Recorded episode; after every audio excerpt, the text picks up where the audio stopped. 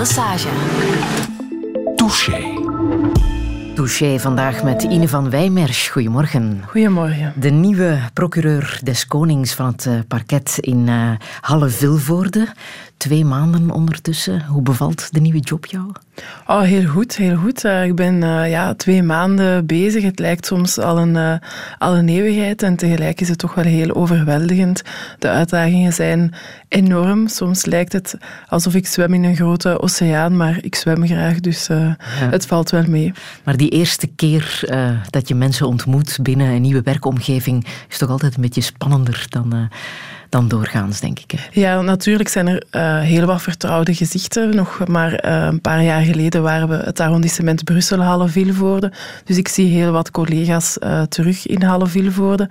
Ja, en we werken ook met dezelfde rechtbank in Brussel. Dus er zijn best wel wat vertrouwde gezichten, maar ook heel wat nieuwe korpschefs bijvoorbeeld op te mm -hmm. ontmoeten. Heel wat partners op de luchthaven bijvoorbeeld. Ja, je maakt uh, gedurende twee maanden overal een eerste indruk. En dat is best wel spannend. En als er dan telkens wordt bijgezegd dat je de jongste uh, procureur des konings bent, uh, want je bent 38, hè? Um, vind je dat lastig, dat dat telkens de ondertitel is?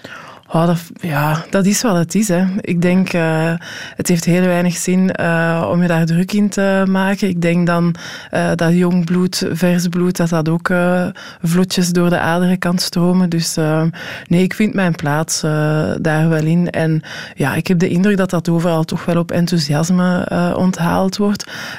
maar ja, misschien zal ik mij dubbel moeten bewijzen, maar dat schrikt mij niet af. Ik zie dat wel zitten. Ja, en dat je behalve Annemarie Gept de enige vrouw bent. Uh, zij gaat met pensioen, hè? Ja, is net met pensioen uh, begin, uh, begin mei.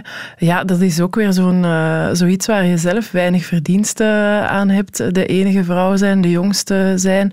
Nu, ik denk dat ik vooral ehm, ja, om mijn, mijn, mijn kwaliteiten uh, voorgedragen ben om die functie uh, te beoefenen. En ja, vrouw zijn heeft soms zijn voordelen, soms zijn, soms zijn nadelen. Um, natuurlijk, als er rond een grote vergadertafel allemaal mannen in een pak zitten en dan één vrouw, ja, dan krijg je soms wel eens sneller het woord bijvoorbeeld, omdat men jou makkelijker ziet, uh, ziet zitten. Dus ik probeer daar vooral de voordelen van te nemen en ja, de nadelen, dat zien we dan wel. Ja, dat zijn de titels die ze jou geven, maar als jij jezelf mag omschrijven, wat zeg je dan?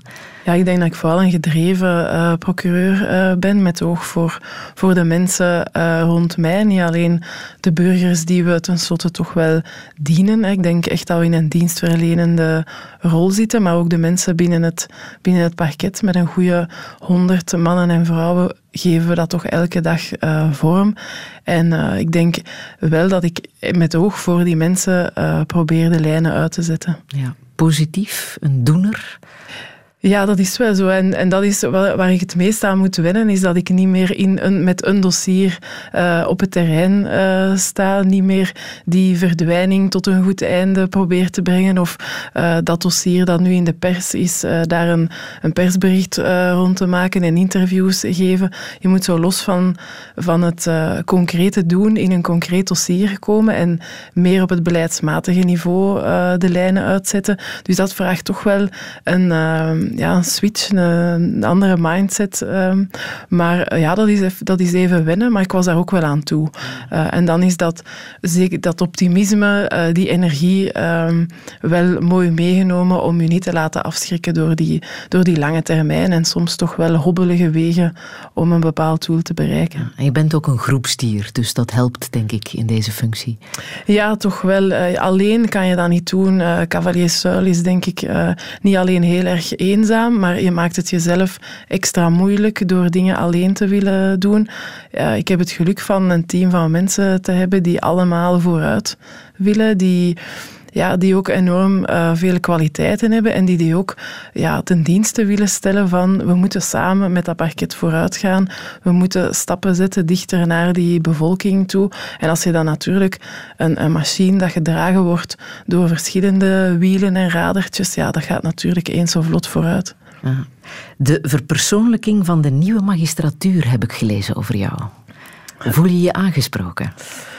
Ja, dat, komt regelmatig eens uh, terug. Ik denk dat dat vooral te maken heeft met uh, de manier waarop ik naar mijn functie probeer te, te, kijken. Het is geen persoonlijke titel die je op een gegeven moment krijgt, maar je krijgt echt wel het mandaat en ook wel een stukje de macht om een steen te gaan uh, verleggen. En die verantwoordelijkheid neem ik echt wel heel, heel ernstig. En Um, ik denk ook dat we, dat we die stappen moeten zetten, dat we moeten durven zeggen, mensen, vinden jullie dat wij goed bezig zijn? Hebben we het echt wel uh, over de zaken waar jullie van wakker liggen? En als men mij mijn beleidsprioriteiten vraagt, dan kijk ik van, iedereen wil dat zijn kinderen veilig op school geraken, dus verkeer, we kunnen daar niet rond. We moeten dus ook magistraten inzetten in dat politieparket. Uh, intrafamiliaal geweld. We moeten echt die zwakste beschermen. We kunnen onze ogen niet sluiten voor wat er in de huizen gebeurt. En ik denk dat mensen ook verwachten dat men uit hun eigendom blijft, dat die woninginbraken, dat we daar blijven op inzetten. En moeilijker moet je het soms ook niet maken, denk ik. Maar dan moet je ook durven zeggen dat we een aantal zaken niet gaan mhm. doen. En ja, dat durven benoemen, ik denk... Um, dat is nieuwe magistratuur? ik denk wel, gewoon die, die, die openheid en die helderheid waarin dat je zegt waar dat je voor gaat en waar dat je voor staat, dat dat iets is wat nog niet overal ingang gevonden heeft. Daar zullen we het straks nog wat uitgebreider over hebben. Welkom in Touché, Ine van Wijmer. Radio 1. 1. Friedel Lassage. Touché.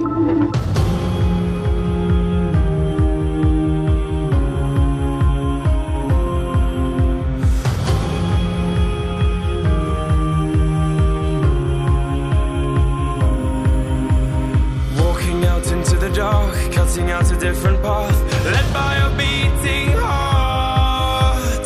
All the people of the town cast their eyes right to the ground in matters of the heart. The night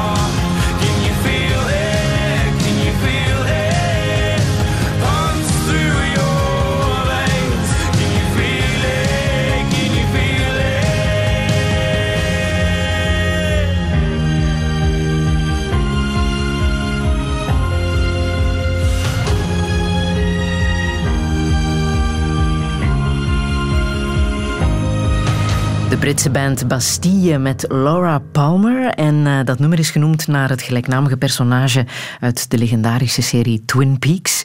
Ine van Wijmersch, uh, heb jij die serie gezien destijds? Wel heel beperkt. Ik denk dat ik toen een jaar of tien geweest uh, moet zijn als Twin Peaks op televisie kwam. En ik mocht zo wat later opblijven. En mijn ouders die keken televisie vanuit hun bed. en het was dan donker. En ik, ik mocht met hen meekijken. En ik weet nog het begin uh, van, van Twin Peaks. En dan spoelt dat lichaam aan in dat zand, uh, Laura uh, Palmer. En ik was toen doodsbang en ik heb nooit meer verder naar Twin Peaks uh, gekeken. En dan ben je nu procureur des konings. Dan ja. is dat nu jouw job, ja, maar, in zekere zin. Ja, dat is echt... ja, ik ben de eerste die achter een kussen duikt echt als waar? het spannend wordt. Zelfs bij Flikken of de Ridder. maar ik denk dat dat te maken heeft met het feit dat mijn verbeelding soms zo groot is dat ik er ook vol volledig in zit. Uh, als ik naar om teven welke serie kijk, dan vraag ik altijd aan mijn man, wie zijt jij in de reeks? Want ik ben altijd een personage. Ja? Uh, dus ik leef mij dan volledig... Uh, en personage in... aan de kant van de recherche? De, de... Ah ja, ja, ik ben altijd de goeie natuurlijk. Dan, nee, ja, ik probeer altijd... Ik zal altijd iemand zoeken waarmee ik mij kan ja, vereenzelvigen. En dan van daaruit beleef ik dan alle avonturen mee met alle gevolgen van die natuurlijk. Zijn er dan veel series met procureur des konings uh, in een hoofdrol? Ah, of in een belangrijke bijrol waar ja, jij je mee kan identificeren? Ja, met de ridder natuurlijk. Helena de ridder is natuurlijk de top voor elke, voor elke magistraat. Nee, maar um, ja iedereen zegt van, daar kijkt u nu toch niet naar, maar voor mij is dat pure ontspanning. De Vlaamse fictie op zondagavond, uh, over water, undercover, uh, noem ze. En ik zal, uh, ik zal het op zondag gezien hebben, maar dan ook echt op zondag, want ik vind dat het ook hoort bij de zondagavondsfeer, ja. En dan ben ik helemaal niet bezig met zoek de fout uh, in de serie. Nee, ik, uh, ik ben er dan helemaal in en uh, ik kan daar echt van genieten. En dat is pure ontspanning. Als we het hebben over de realiteit, procureur des konings, wat voor job is dat eigenlijk? Goh, um, ja, op, op zich is dat eigenlijk heel concreet. Er, gebeurt een, misdrijf, de politie komt ter plaatse, ze maken een proces verbaal en dan wordt er gebeld naar de magistraat met dienst, dus naar de procureur des konings met dienst, om instructies te krijgen over hoe gaan we dit hier nu onderzoeken, wie gaan we verhoren, gaan we een perimeter instellen, gaan we een huiszoeking doen. Dus dat is eigenlijk heel um, ja, uh, evenementgebonden, om het uh, zo te zeggen. En dus ja, je moet echt wel met veel gezond verstand en binnen je juridisch kader snel beslissingen nemen. En anderzijds maken we ook vervolgingsbeleid. Gaan we kijken in grote lijnen, als we dat soort zaken aan de hand hebben, wie gaan we dan vervolgen, uh, wie niet, waar gaan we iets anders doen, een strafbemiddeling, een middelijke schikking opleggen. Dus het is zowel op de lange termijn, het grote overzicht, als heel concreet een 24 uur 7 op 7 permanentie uh, bemannen om te zorgen dat je er altijd bent voor die politie die ook 7 op 7 en 24 op 24 op het terrein is. Dus ze kunnen jou nu in principe ook bellen? Wel, ik heb het geluk, nu ik uh, de procureur des Konings mag zijn, dat ik niet meer in de 24 uur dienst uh, zit. Maar het is in mijn twee maanden al gebeurd dat een collega iets aan de hand had, waarvan ze zei, hier wil ik toch wel even uh, voor overleg plegen. En ja, dan belt ze mij, dan denken we samen, samen na van, wat doen we hiermee?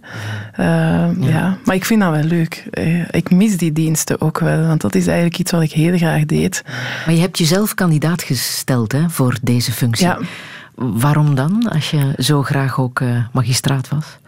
Ja, omdat het een niet uh, zon, allee, los van het andere uh, moet gaan. Het was ook een logische, een logische stap. Na tien jaar um, volop uh, Parket Brussel was, was het een mooi moment om meer naar de tweede lijn te gaan.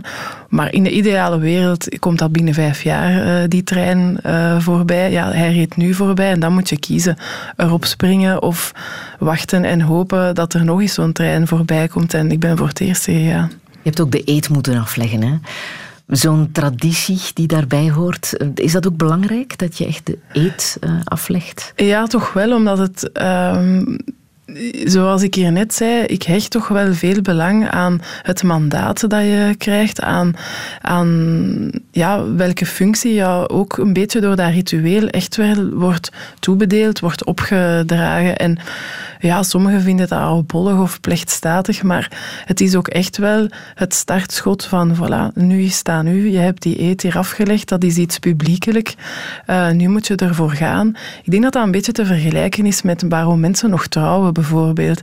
Dat is ook in de kerk publiekelijk of, of in een viering zeggen, wij gaan ervoor en jullie mogen dat allemaal weten en, en, en daar ook ons op aanspreken. Het maakt de verantwoordelijkheid alleen maar groter, ernstiger, uh, belangrijker. Ja, zichtbaar ook voor een stuk. En, en ja, ik denk zo zonder rituelen dat er ook een stukje van de betrokkenheid en de verantwoordelijkheidszin verloren gaat. Mm In hoeverre was jouw oma erbij? bij die eetaflegging in ah, gedachten? het is er vandaag ook bij. ja? Nee, ja. Ik, uh, ik heb altijd een, uh, een soort, ja, voor belangrijke momenten, een, een, een ritueel uh, van haar uh, aan. Omdat zij iemand was bij wie ik van kleins af aan na school, ehm, ja, na school ging ik naar haar huis en dan zat ik gewoon op het aanrecht, terwijl zij ofwel eten aan het maken was of vaak aan het afwassen uh, was. En dan uh, ja, babbelden wij over de, de ditjes en de datjes uh, na school. En ik ben dat tot en met het zesde middelbaar blijven doen. Niet meer dagelijks, maar in de examens bijvoorbeeld ging ik dan smiddags bij haar eten. En dan had je gewoon twee weken lang je lievelingskost op tafel. En um, ja, zij, zij is altijd met mij in gesprek gegaan, hoe, hoe oud dat zij ook werd. Zij, zij was zeer scherp van geest en, en hield u ook scherp. Want als je soms een uitspraak deed, dan zei ze, ja, maar wat, wat bedoelde daar nu precies mee en waarom zegt je dat nu eigenlijk? En vooral dat ze zei, je moet goed nadenken, je niet zomaar, niet te rap beslissen, uh, je moet ook veel genieten, je moet op reis gaan, je moet de wereld zien. dus zij, zij spoorden ons eigenlijk, alle kleinkinderen eigenlijk, wel aan om de dingen te doen die zij door de oorlog bijvoorbeeld niet heeft kunnen, niet heeft kunnen doen. En dan zei ze, allee, pak er u maar van, manneke. welk juweel draag je dan? Uh, vandaag heb ik een, uh, gewoon uh, een, een van haar vaste ringen aan. Iets heel discreet, heel eenvoudig, want zo was zij ook. Eenvoudig en, en stijlvol. Maar ja, die juwelen, dat was op de duur wel grappig, want ze was dan 80 en ging nog met de metro naar Brussel om dan met mij in Brussel te komen lunchen. En dan deed ze al haar juwelen aan om naar de stad uh, te gaan. En dan heb ik op een gegeven moment toch moeten zeggen van oma, allee, ik denk toch niet dat dat zo veilig uh, is. En dan, ja, dat, dat vond ze dan toch uh, maar niks om zomaar gewoon zonder haar bijoux, zoals ze dat zei. Buiten te komen. Ja, buiten te komen. Ja, ja. want het arrondissement waar je nu werkt, uh, Halle-Vilvoorde, is geen evident arrondissement, denk ik. Hè? Goh, ja, het is een of beetje... is dat perceptie? Ja het, ja, het staat natuurlijk onder politieke hoogspanning uh, bij momenten, uh, omdat er uh, ja, de hele splitsing van het arrondissement is politiek gezien niet van een leien dakje gelopen. Ik denk dat dat een understatement is. Anderzijds, geografisch gezien, behoort het tot de provincie Vlaams-Brabant, maar in die provincie is dan ook nog een ander parket, het parket Leuven. En omarmen we eigenlijk de, de hoofdstad uh, ja, ring rond. En hebben we ook nog de nationale luchthaven in het uh, arrondissement.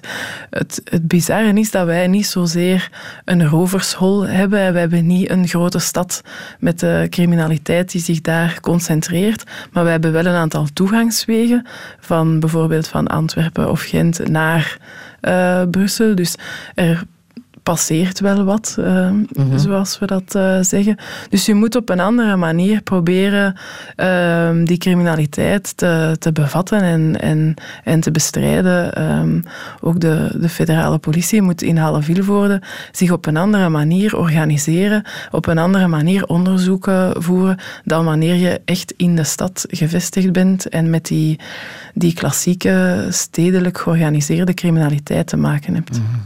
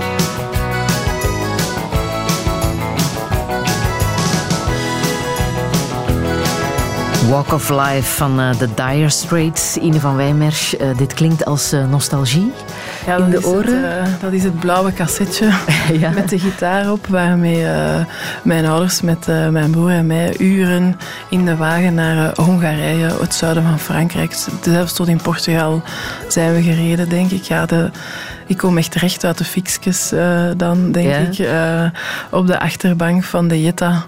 Ehm, Luid meezingend. ja, en dan afwisselen. Een cassetje voor de ouders en dan een cassetje voor de kinderen. En wij kozen dan meestal Urbanus, denk ik. Ik denk niet dat mijn ouders dat nog kunnen horen.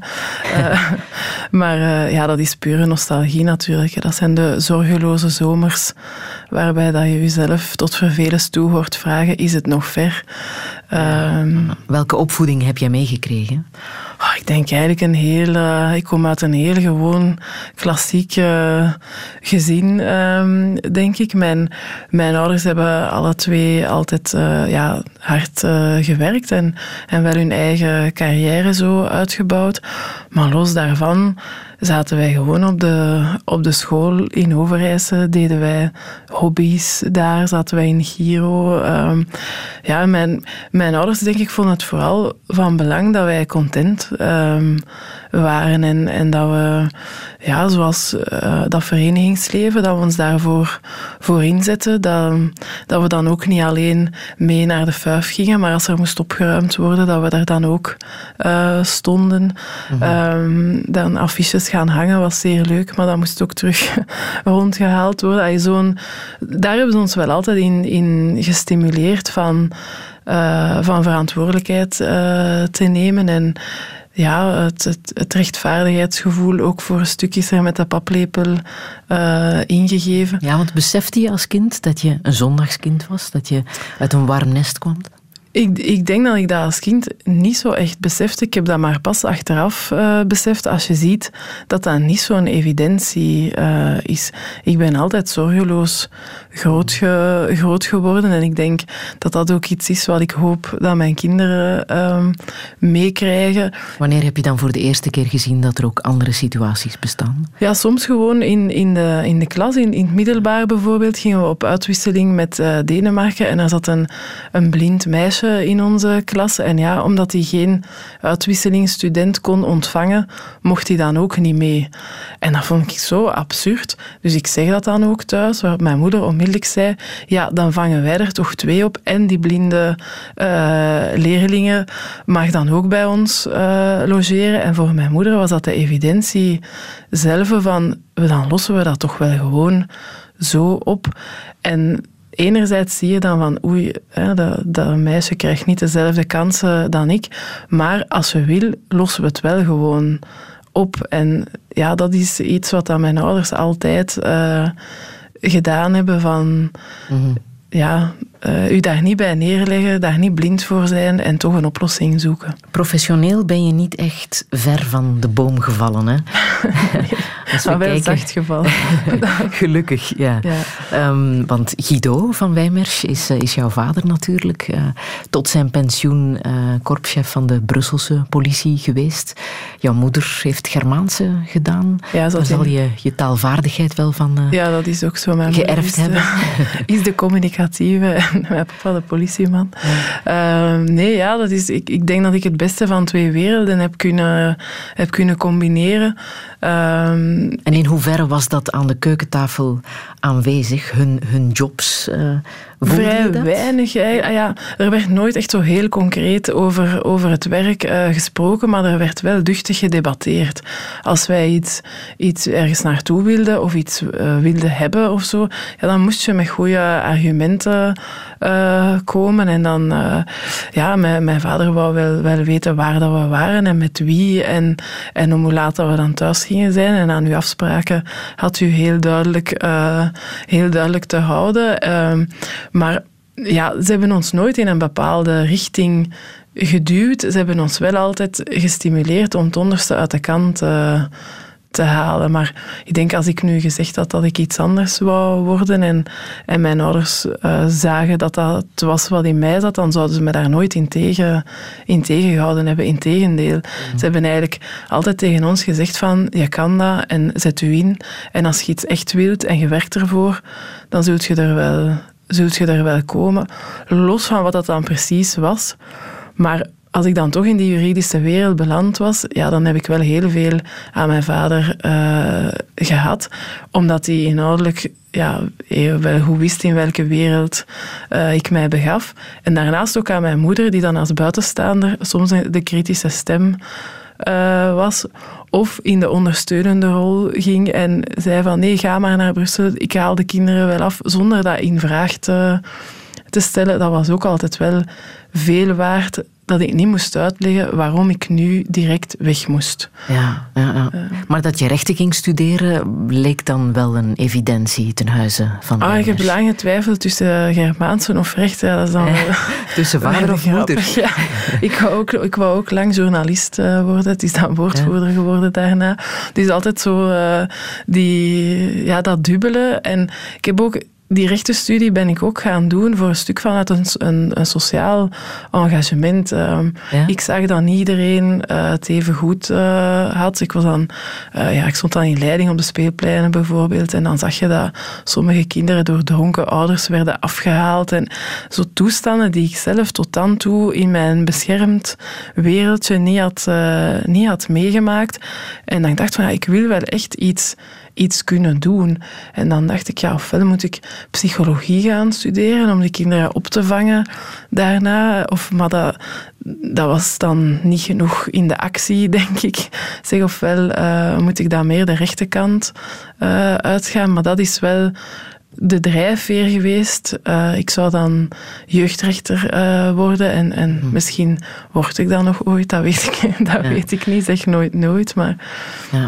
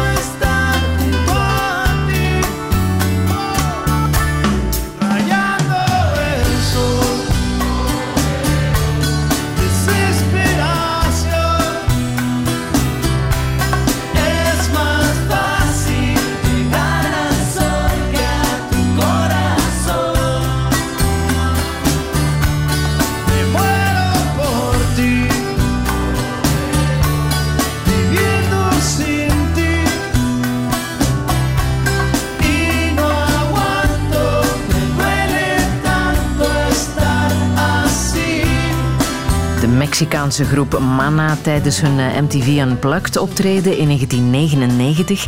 Wereldberoemd in eh, de Spaanse, Spaanstalige wereld, bij ons iets minder.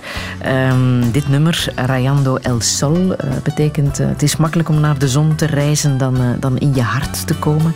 Ine van Wijmers, jij kende dit nummer wel, hè? want je hebt het zelf voorgesteld om het te laten horen. Ja, het, het was een ontdekking toen ik op Erasmus was in Spanje. Ehm, in het laatste jaar rechten in derde, derde list. Zo. Ik weet niet hoe dat dan nu mm. heet. Ik moet mij dringend bijscholen. Nee. Toen zaten we in Spanje, in Salamanca. Dat is een, een studentenstad, een beetje te vergelijken met Leuven. Nu, het jaar was al wel wat verrassend begonnen. Want we dachten dat alle lessen in het Engels zouden zijn. Bleken die in het Spaans te zijn. En ik ben daar echt toegekomen met als enige Spaanse woorden dos cervezas en verder, verder ging het niet. Ehm, maar ook daar weer, uh, ja, we dachten oké, we, we gaan de uitdaging gaan en we zullen hier heel intensief uh, Spaans beginnen leren. En dan midden in de examens zeiden de Spaanse vrienden die we toen gemaakt hadden van ja, Mana komt. En wij, ja, uh, ja oké, en? Maar dat moet zoiets zijn als hier in de jaren 90 Clouseau komt naar, naar de Plaza de Toros, wat al gewoon een prachtige setting is om uh, op een warme zomeravond. Uh, ja, ze beginnen er dan niet voor 10, 11 uur aan uh, in Spanje. In die ongelooflijke, indrukwekkende arena naar die Mexicaanse groep te gaan kijken, waarvan iedereen alle liedjes van begin tot einde meezingt. Eigenlijk qua timing totaal onverantwoord, want het was midden in de, midden in de examens, maar zo magisch. En ja, ik kan dat dan wel gewoon drie uur uit mijn hoofd zetten en volledig in het moment uh, gaan. En, en hoe goed is je Spaans ondertussen? Goh, ondertussen is dat natuurlijk ook weer al zoveel jaren geleden. Laat ons zeggen dat ik er het betere vakantiespaans aan heb overgehouden. Uh, nee, maar dat was wel gewoon een heel fijne ervaring. Wij, uh, wij hadden een kamer over uh, in ons appartement en die verhuurden we aan 10 euro per nacht. En zo hebben we 27 nationaliteiten over de vloer uh, gehad en we maakten daar dan, we hadden het Belgisch kook, ons kookboek hadden we mee. En we maakten dan voor die buitenlandse gasten volle van en zo, en balletjes in tomatensaus. En met die, die 10 euro per nacht die we dan verdienden, gingen wij telkens als er een lang weekend was naar een andere uithoek van uh, van Spanje. En zo hebben we eigenlijk het hele land gezien en zelf de halve wereld in huis uh, ja, gehaald. Maar dat was eigenlijk ja, mm-hmm. een, uh, een heel, ja, een, echt een tof jaar. Ja. Um, na je rechtenstudie ben je aan de balie beland, maar de advocatuur, dat was niet echt jouw uh, ambitie? Goh, ja, de, de advocatuur. Ik stelde vast dat daar heel wat uh, bij dat zelfstandige statuut, heel wat administratie en toestanden bij kwam kijken. Dat is nooit mijn sterkste kant uh, geweest. En ik kreeg daar enorm veel stress van om heel die papierwinkel in orde te krijgen. Maar wat, wat ik wel heel tof vond, was naar, naar de rechtbank gaan, naar de zitting gaan, de, de contacten met de, met de cliënten, mensen die u een heel heel concreet verhaal kwamen voorleggen en dat dan vertalen naar, naar een juridische kwestie waarvoor we een juridische oplossing moesten, moesten bepleiten. Dat vond ik wel um, heel, allez, heel boeiend aan de advocatuur en daar verschilt de magistratuur niet zo heel veel uh, mee. Het is gewoon een andere plek in de rechtbank. Maar uiteindelijk uh, doe je dat nu vanuit het oogpunt van de samenleving en, en aan de balie uh, verdedig je uh, uw, cliënt. Mhm. Maar ja, zo'n gigantische wereld van verschil is dat nu ook niet. Daarnet zei je, ja, jeugdrecht, uh, dat interesseert me echt heel erg. Je weet nooit, zeg nooit nooit. Um, maar je hebt natuurlijk wel met heel veel jeugddossiers te maken gehad. Hè, als, mm ja, ik ben vijf jaar jeugdmagistraat geweest ongeveer. En ook nu nog merk ik als ik het dagverslag lees of het nachtverslag, dat mijn aandacht altijd eerst zal getrokken worden door de, de dossiers uh, waar minderjarigen bij betrokken waren, als dader of als, uh, als slachtoffer. Maar jeugdrechter is voor mij toch nog iets anders. Dat is een, ja, toch een, een een eenzamere positie. Wij brachten dossiers naar de jeugdrechtbank, schetsten de situatie, deden een voorstel van, van, van maatregelen die moest genomen worden. Maar uiteindelijk moet wel die jeugdrechter dan een beslissing nemen, draagt tot aan de 18 jaar van die jongeren daar toch de verantwoordelijkheid uh, voor. En daar heb ik mij toch tot nog toe nog altijd uh, ja, te, te jong. Ik denk dat je toch een zekere echte maturiteit moet hebben om ja, je moet toch wel wat watertjes doorzwommen hebben, denk ik, om die, die verantwoordelijkheid op u te nemen en ook vooral dat alleen te kunnen doen. In, dat geldt in het algemeen voor, voor de rechters, vind ik. Ik zal niet zo snel de overstap naar de rechtbank maken om alleen in beraad, een, een zaak in beraad uh, te nemen, om dan uh, een vonnis te, te, vellen. Ik werk liever in, in dat team uh, waar ik vandaag werk. En hoe komt het, denk je, dat je zo geïnteresseerd bent in die jeugddossiers, dat dat jou is blijven interesseren? Heeft ja. dat te maken met het feit dat die daders ook vaak slachtoffer zijn? Ja, daar je kan daar enerzijds concreet een verschil uh, maken. Ik denk, als je als parketmagistraat beslist om jongere uh, kinderen te plaatsen, die kinderen, wij kunnen dat voor 24 uur doen en dan zet de jeugdrechter uh, dat al of niet verder. Maar ik denk dat die kinderen zich altijd dat moment zullen herinneren. Er is een voor en een na de beslissing tot uh, tot plaatsing bijvoorbeeld. Of als je aan jongeren uh, kan uh, ja, een halt toeroepen aan de criminele spiraal waarin dat ze beland waren. Veel, veel jongeren erkennen ook na x aantal jaren van had jij mij toen niet gestopt, dan had ik misschien een moord gepleegd. Heeft er ooit eens een, zo'n gastopzitting gezegd, dan denk je wel, oké, het maakt wel echt een wezenlijk verschil. Mm uh, wat ik doe. En daarnaast Um, als jeugdmagistraat kan je het u niet permitteren om gewoon uh, zwart op wit de wet uh, te lezen en toe te passen. Er is altijd een context, er is altijd een, een, een opvoedingscontext. Uh, men zegt van de slechte jeugd. Wel, heel wat jongeren die feiten plegen, leven in een context die wij ons gewoon niet kunnen, niet kunnen inbeelden. Welke situaties heb jij zo bijvoorbeeld meegemaakt die wij ons nauwelijks ja, kunnen voorstellen? Gewoon jongeren die, die van, vanaf hun zes, zeven jaar moeten zorgen dat ze met twee, drie broertjes en zusjes op school geraken, omdat uh, moeder lam van de medicatie uh, in bed ligt, die dan ondertussen ook nog ergens proberen aan, aan eten te, te geraken, die, die zich excuseren op school omdat het klein zusje geen boterhammen mee heeft en dan zijn ze zelf zes, zeven, zes, zeven jaar. Kinderen die verantwoordelijkheid moeten opnemen, waar, allee, waar dat wij ons gewoon echt geen, geen rekenschap van, van kunnen geven. En ik geloof echt dat niemand op zijn twaalf jaar opstaat en zegt, nu ga ik eens een bank overvallen. Um, We hebben ook, allee, het is heel veel in de media geweest, het dossier van um, Priscilla Sergeant, een meisje uit, uit uh, Huizingen dat dood teruggevonden is in een veld. Daar zijn de verdachten, een meerderjarige en twee minderjarigen. Die jongste verdachte was twaalf jaar op dat moment. Dan dan denk je, oké, die moet uh, verantwoording afleggen, zijn aandeel in de feiten erkennen, schuldinzicht tonen. Maar anderzijds denk je toch ook, je moet maar twaalf zijn en u door omstandigheden in een situatie bevinden waarin dat uw buurmeisje of iemand uit de wijk dood eindigt. Ik probeer mij in te beelden wat dat, dat doet met zo'n kind en hoe we daar dan op de best mogelijke manier mee om kunnen gaan. En het lijkt mij niet dat dat is door die ergens ver weg te steken. Mhm. Is het ook niet vreemd als je daar professioneel mee bezig bent, zo dichtbij staat, om dan thuis te komen en een normale wereld te aanvaarden waar dat soort verhalen totaal niet aan bod komen? Ja, dan dan kom je thuis binnen en dan zijn ze aan het zagen omdat ze maar drie kwartier op de Nintendo mogen. En dan is het soms heel moeilijk om niet te zeggen, en je moest eens weten dat er kinderen zijn die geen Nintendo hebben. Ja, daar hebben ze natuurlijk 0,0 boodschap uh, aan. En dan moet je die woorden soms wel inslikken en denken: oké, ja, uh, hier is de realiteit even anders. Maar anderzijds komt de wereld ook wel binnen. De kinderen kijken uh, heel enthousiast naar Karawiet uh, bijvoorbeeld. En als Julie van Espe verdwenen was en vermoord is teruggevonden, ja, dan vroeg mijn dochter: maar mama, wat heeft hij eigenlijk verkeerd gedaan?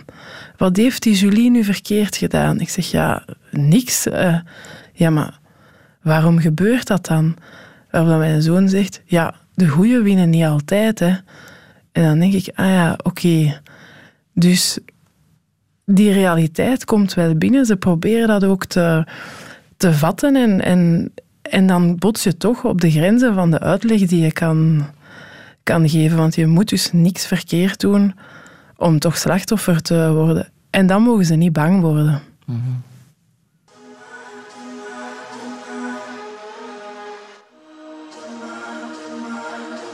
and it's you're mine.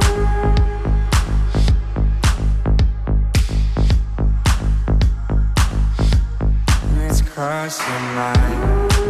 So like someone is still a diamond.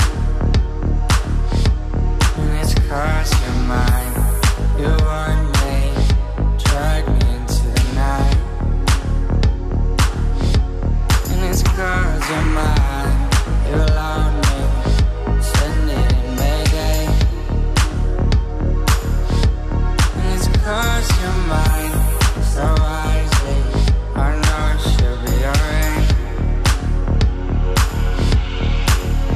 Wish you may blame on me, babe. I know that you should better fall. You shoot me high, call me fly. Keep on pushing, but you better don't.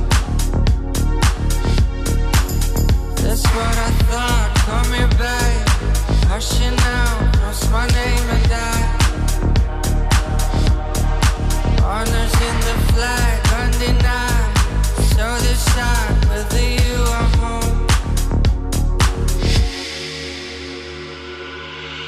And it's cause you're mine.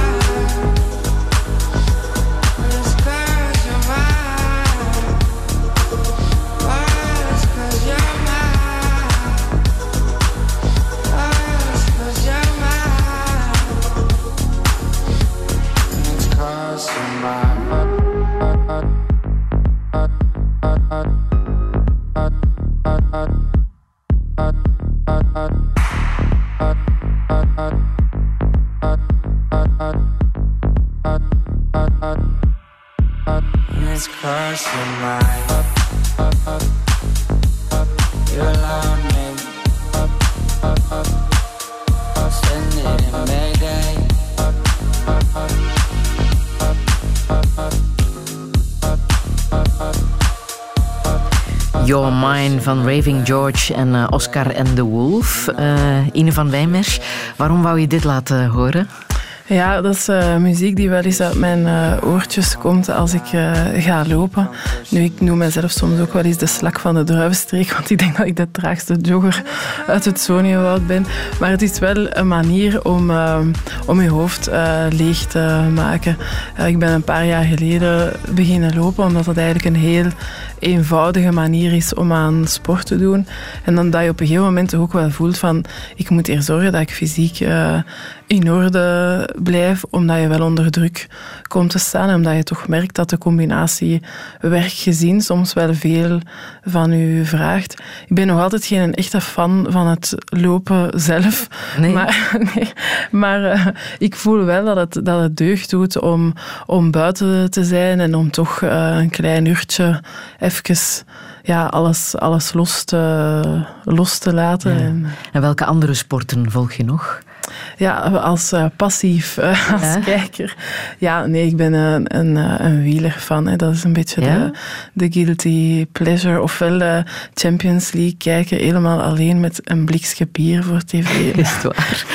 dat is een beetje fout, maar nee, ja, ik, nee. ik vind uh, het, het kijken naar sport, ja, ik doe dat echt graag. Ehm, de koers hebben wij geluk in Vlaanderen dat we, dat we ook gewoon buiten kunnen achter een naderhek gaan staan en gewoon deel van het gebeuren kunnen zijn.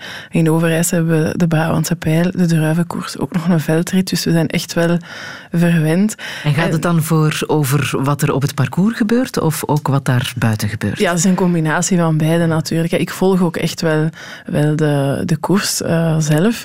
Uh, maar natuurlijk, bij ons in het dorp ontstaan er dan allerlei randfenomenen. Er is zo een brandweerman die zijn garage open stelt, bakken bier in huis haalt, waar dan iedereen gewoon geld in de pot doet en op basis van vertrouwen. Uh, dan heeft, is daar een kameraad die DJ speelt en uh, de koers becommentarieert op toch wel onnavolgbare wijze. Ja, dat zijn zo de kleine momentjes die, die daar gewoon een topdag van maken. En daar kan ik dan echt wel van genieten, omdat dat zo in schril contrast staat met alle ernst en serieus waarmee je de andere dagen uh, doorkomt. Maar dat maakt ook dat je alles wat kan relativeren en dat niet alles altijd bittere ernst uh, moet zijn. En, en sport. Uh, sport kijken, ja, hoort, daar, hoort daar voor mij bij om los te laten. Maar anderzijds bewonder ik die sportmensen ook gigantisch, want de winnaar, het podium, kent iedereen in zo'n koers. Maar dan zijn er ook jonge gasten die dan 33ste eindigen of zo. Die hebben diezelfde koers gereden met evenveel enthousiasme. En dan na de aankomst krijgen die van, van hun moeder of in het beste geval hun vriendin een handdoek rond hun nek. Dan mogen ze een mobiloom inkruipen en onder zo'n partytent op de rollen rijden. Dat is toch onwaarschijnlijk met wat voor overgave dat die zich daarvoor moeten, moeten geven. Om dat dag in dag uit te doen, daar, daar kan ik uh, echt van staan kijken. Ja, het goede leven, dat, dat zoek je echt wel op, hè? Ja, ik denk Naast dat je professionele leven. genetisch ingebakken is of ja? zo, denk ik. Uh, nee, maar dat is wel iets inderdaad waar ik enorm uh, van kan genieten als het mooi Gevoelig voor bent geworden doorheen de jaren? Is dat iets... Uh... Goh, dat, dat, is bij ons ook thuis altijd zo, wel een beetje de zoete inval geweest. En, en op terras in het weekend zat er altijd uh, wel bezoek. Uh, dus dat heeft er altijd wel wat bij gehoord. En voor mij was dat ook vrij evident. Als we bijvoorbeeld ergens waren en het avondeten naderde en er was niet echt een plan, dat ik dan zei, maar ja, anders eten we bij ons. En dan keek mijn man van, hoe eten we bij ons uh, iedereen? En hebben wij iets in huis? Uh, dus die moest daar wel even aan, aan wennen. Maar ondertussen, uh, ja... Gebeurt dat gebeurt ook bij jou op het terras? Ja, voilà. En ik kan er dan echt wel van genieten of deugd van hebben dat, dat, dat iedereen door elkaar loopt en, en babbelt en, en iets ja. eet en iets drinkt en niks tekort komt. En ja, dat, dat is voor mij echt ontspanning, echte, dat is het echte leven. Ja. Reis je nog altijd, uh, zoals je oma toen heeft geadviseerd? Ja, ja. ja toch wel. Uh, ja, deze zomer gaan we dus ook met onze kinderen kamperen. Uh, maar ja, ook af en toe een keer alleen met mijn man. eh, heb je stad. favoriete plekken waar je graag naartoe trekt? Ah, ik heb vorig jaar, nee, een paar jaar terug ook al, Lyon ontdekt -hmm. als stad. Helaas hebben zij ook een, een bompakket te verwerken gekregen dit weekend. Ik hoop dat dat niks afdoet aan, aan de vrijheid waarmee je uh, in Lyon kan flaneren, uh, die, met, uh, met de fiets door, door die grote lanen rijden, lekker eten, s'avonds op de, op de boot daar. Dus ehm, ja, dat, dat is toch een, een bestemming die ik aan iedereen kan aanraden. Ah, heb jij tijd om te lezen, om te genieten van uh, kunst en cultuur? Is daar tijd voor? Goh, dat, dat schiet er soms wel, uh, wel bij in. Uh, we, zijn, we, hebben een abonnement op de weekendkrant en die probeer ik dan uitgelezen te hebben. Um, nee, maar op vakantie. Um, vakantie is ook leestijd. En dan nemen we toch enkele boeken mee. En ik weet dat mijn man en ik naar elkaar keken op het moment dat we nu met Pasen alle twee een boek vast hadden en alle vier de kinderen ook gewoon in een boek aan het lezen waren. En ik zei, kijk, kijk, het gebeurt, het is terug, echt vakantie. Um, ik heb nog uh, muziek uit de film Hellhole van uh, regisseur Bas de Vos uh, en zijn cameraman Nicolas Karakatsanis, die daar geweldige beelden voor heeft gemaakt.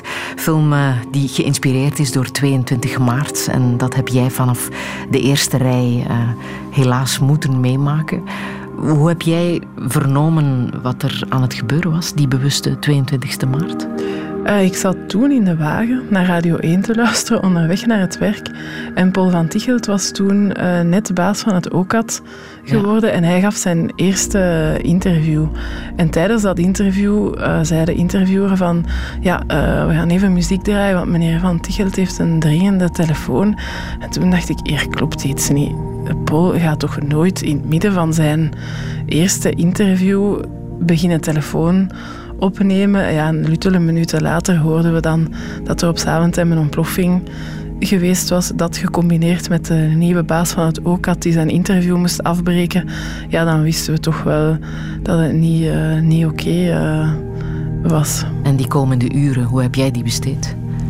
Goh, ja, de eerste lijn zou ik dat dus niet durven noemen, want dat zijn natuurlijk alle hulpverleners en, en politiemensen uh, die echt wel in de miserie gestaan hebben. Mm. Ik zat uh, veilig en wel op het crisiscentrum, maar wel um, in een groep van woordvoerders die we toen gevormd hadden, om uh, samen te kijken welke informatie kunnen we bevestigen, aan welke informatie is er nood. En het is pas een dag later dat ik samen met mijn collega de opdracht gekregen heb om uh, de nabestaanden uh, op te vangen. Natuurlijk niet zelf, maar die opvang te organiseren. Dus altijd toch wel in de tweede lijn. En ook de identificaties van de slachtoffers te, te faciliteren. Te zorgen dat dat in de best mogelijke omstandigheden en zo snel mogelijk en zonder fouten kon gebeuren. Is dat een dag die jou heeft veranderd? Ja, het is vooral een, een, periode geweest waarin dat je gezien hebt dat als het moet, dat er heel veel kan. Uh, en dat ik gezien heb met welk professionalisme uh, mensen boven zichzelf zijn uitgestegen.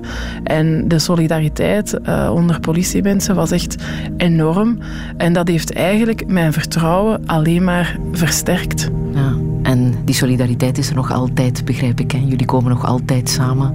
Ja, dat die is echt 22e maart. Ja, dat is zo. Elke 22e maart. En we gaan dat blijven doen tot ik erbij neerval, denk ik. Eten we mm. spaghetti met een aantal uh, slachtofferbejegenaars. Dat is echt pure zelfzorg. Ja, ja. Zometeen praten we verder, Ine van Wijmers, na het nieuws.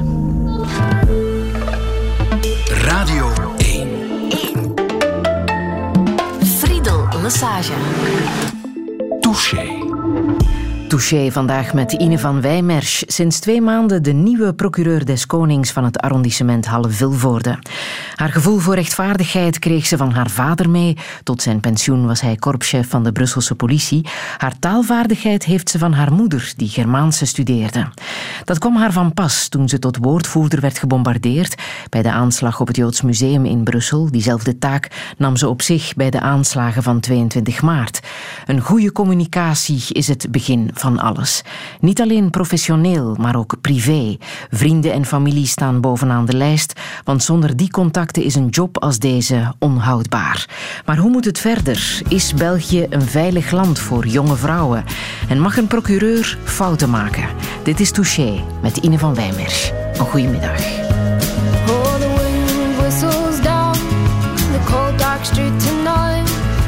people were dancing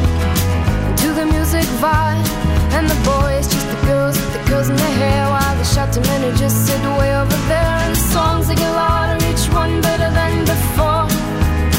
And you're singing the songs, thinking this is a life. And you wake up in the morning and your hip is twisted sides. Where you gonna go? Where you gonna go? Or where you gonna sleep tonight? And you're singing the songs, thinking this is a life. And you wake up in the morning and your hip is twisted sides.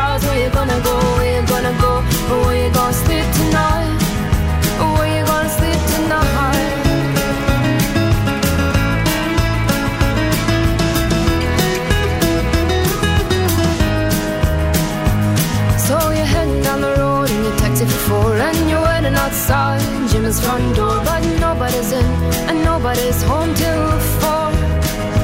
So you're sitting there with nothing to do, talking about Robert Riger and his motley crew, and where you gonna go and where you gonna sleep tonight.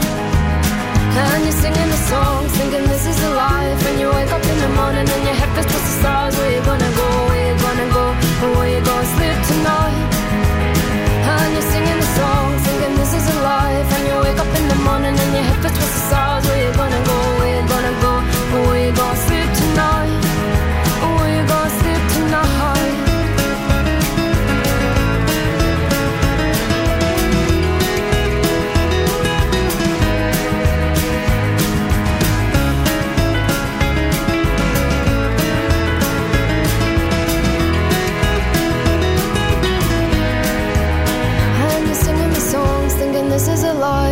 Wake up in the morning and your head feels towards the stars. Where you gonna go? Where you gonna go? Where you gonna sleep tonight? And you're singing the song, singing this is a life. And you wake up in the morning and your head feels towards the stars. Where you gonna go? Where you gonna go?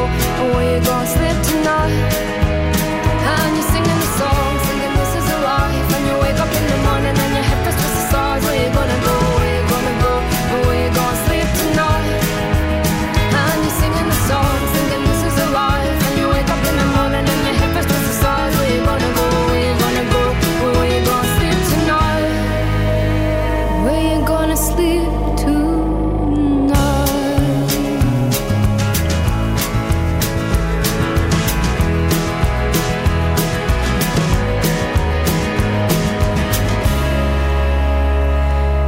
Schotse Amy MacDonald met This Is The Life. Een hit van eh, tien jaar geleden, Ine van Wijmersch. Maar eh jij zingt het zo mee, hè? Ja, dat is toch plezant. Ik ben er toch wel vrolijk van, Ja. van worden, denk ik. Nee, dat is wel van een van die, die cd's vroeger en nu gedownload op mijn telefoon, die ik wel eens ja, in de namiddag durf op te zetten om er nog een lap op te geven. Ja. Ja, ja. Het is eh, verkiezingszondag. Heb je de verkiezingsprogramma's en het verkiezingsnieuws een beetje kunnen volgen? Ja, toch wel. eh, ja, s, ochtends naar de radio luisteren en s'avonds niet gaan slapen voor ik een nieuws gezien heb. Dat is toch wel een dagelijks ritueel. En ik vind het ook wel, wel belangrijk om het, eh, om het te volgen. Eh, ik vind het ook belangrijk om, om te gaan stemmen. Ik moet het nog gaan, nog gaan doen eh, straks. Maar ja, ik denk zoveel generaties voor ons hebben gevochten om te mogen gaan stemmen. Alleen al daarom vind ik dat we moeten gaan. En, en het is ook niet iets waar ik lichtzinnig mee, mee omga. Het is ook een hoogdag voor, niet alleen voor politici, maar ook voor hun woordvoerders natuurlijk. Hè? Een job die jij uh, goed kent. Hoor je dat vandaag? Dat, uh, ja, dat dat toch een spel is tussen journalisten, woordvoerders, politici? Ja, maar het is, het, is een, het is in België denk ik een heel beleefd, gekuist spel. En ik denk ook wel als woordvoerder dat je kan proberen uw, uw, minister in dit geval een bepaalde richting in te duwen. Maar als die mensen onder hoogspanning komen te staan, dan, dan is het toch het hart dat spreekt, denk ik. Ja. Het nieuws dat uh, voorbije maand iedereen heel erg heeft uh, beziggehouden was uh, het nieuws rond de moord op Julie van Espen. verdween op zaterdag 4 mei toen ze vanuit Schilde naar Antwerpen fietste. Bleek vermoord door Steve Bakelmans in 2017 al veroordeeld tot vier jaar cel wegens verkrachting, maar liep vrij rond omdat hij in beroep ging. Mensen hebben daar vanuit het hart op gereageerd en dat klonk na de begrafenis op deze manier. Ik heb er ook mijn regal gespuwd. Ik heb de rechter bedankt en gevraagd hoe moeten wij onze dochters nog beschermen. In, in de WhatsApp-groepen of in de Facebook-groepen wordt er heel hard gesproken over, over de zaak en hoe dat, dat ooit is kunnen gebeuren met dan die dader die dan nog vrij rondliep en zo. Ik denk dat bij ons ja. vooral is van wij hadden het ook kunnen zijn. Touché. Reacties na de moord op uh, Julie van Espen bij het tekenen van het rouwregister was dit. Ine van Wijnwers, hoe was dit voor jou om al deze reacties te horen, om te zien wat er gebeurde? Ja, ik denk dat uh, de reacties ook zo heftig zijn, niet alleen omdat de gebeurtenissen ronduit dramatisch zijn, maar ook omdat, uh, zoals een van die vrouwen zei, het had ieder van ons uh, kunnen zijn. Ik denk dat nog maar een week ervoor een jongetje vermoord is in een, in een, in een asielcentrum. Daarvoor komen we niet uh, op straat. En ik denk dat dat vooral is omdat de identificatie een stuk minder groot is uh, met, een, uh, met dat jongetje uit het asielcentrum. Uh, we, hier, we fietsen allemaal, we, we hebben allemaal dochters of we zijn allemaal jong geweest. we kunnen ons daar veel meer mee identificeren en dat maakt ook, denk ik, dat dat ons in onze ziel raakt. Nu, los daarvan voel je u toch als magistraat, als deel van dat justitieel apparaat, mee verantwoordelijk. Ook al heb je met die concrete zaak misschien niks te maken, op dat moment is iedereen met een toga justitie.